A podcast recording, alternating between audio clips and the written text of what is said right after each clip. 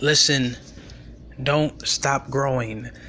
Do not stop growing. Whatever you do, do not stop growing. As I am sitting here, I am looking at a tree and it automatically put me in tune with nature.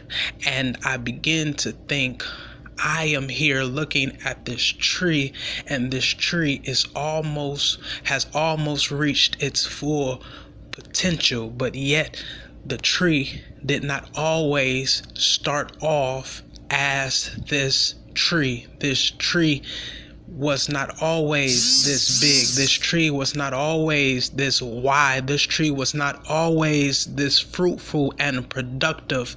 This tree started off as a seed. Somebody put a seed into some soil. The soil took on some roots and the roots began to grow into a tree and that tree began to grow and over year and as as time began to pass the tree got bigger and begin to evolve i'm speaking to somebody who is uh, in a position right now I want to tell you do not stop growing. Do not stop where you are. Continue to expand. Continue to network. Continue to grow socially. Continue to grow in wisdom. Continue to grow in stature. Continue to grow in your vocabulary and in your education.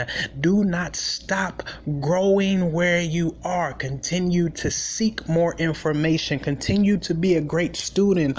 Allow yourself to be a cup that is uh, empty but desires to continually be poured into. Do not stop and think that you got it all right now. I want to tell somebody do not stop growing. Allow life to water you, allow life to develop you, allow the storms to pull the worst, to pull the best out of you. Yes, the storms that life has, yes, they do come and they do not look desirable, but the storm has a befitting purpose to pull you closer and to pull the best out of you. And if you do not stop growing, somebody is going to look at you one day and say, This person was not always this smart. This person was not always this successful. Successful. They started somewhere. They failed at some point. They went down at some point. They did not always get it together, but they did not stop growing through life. Life has the ability to grow you. Life has the ability to pull the best out of you. And if you do not stop growing, you will come into your full potential. Do not stop growing.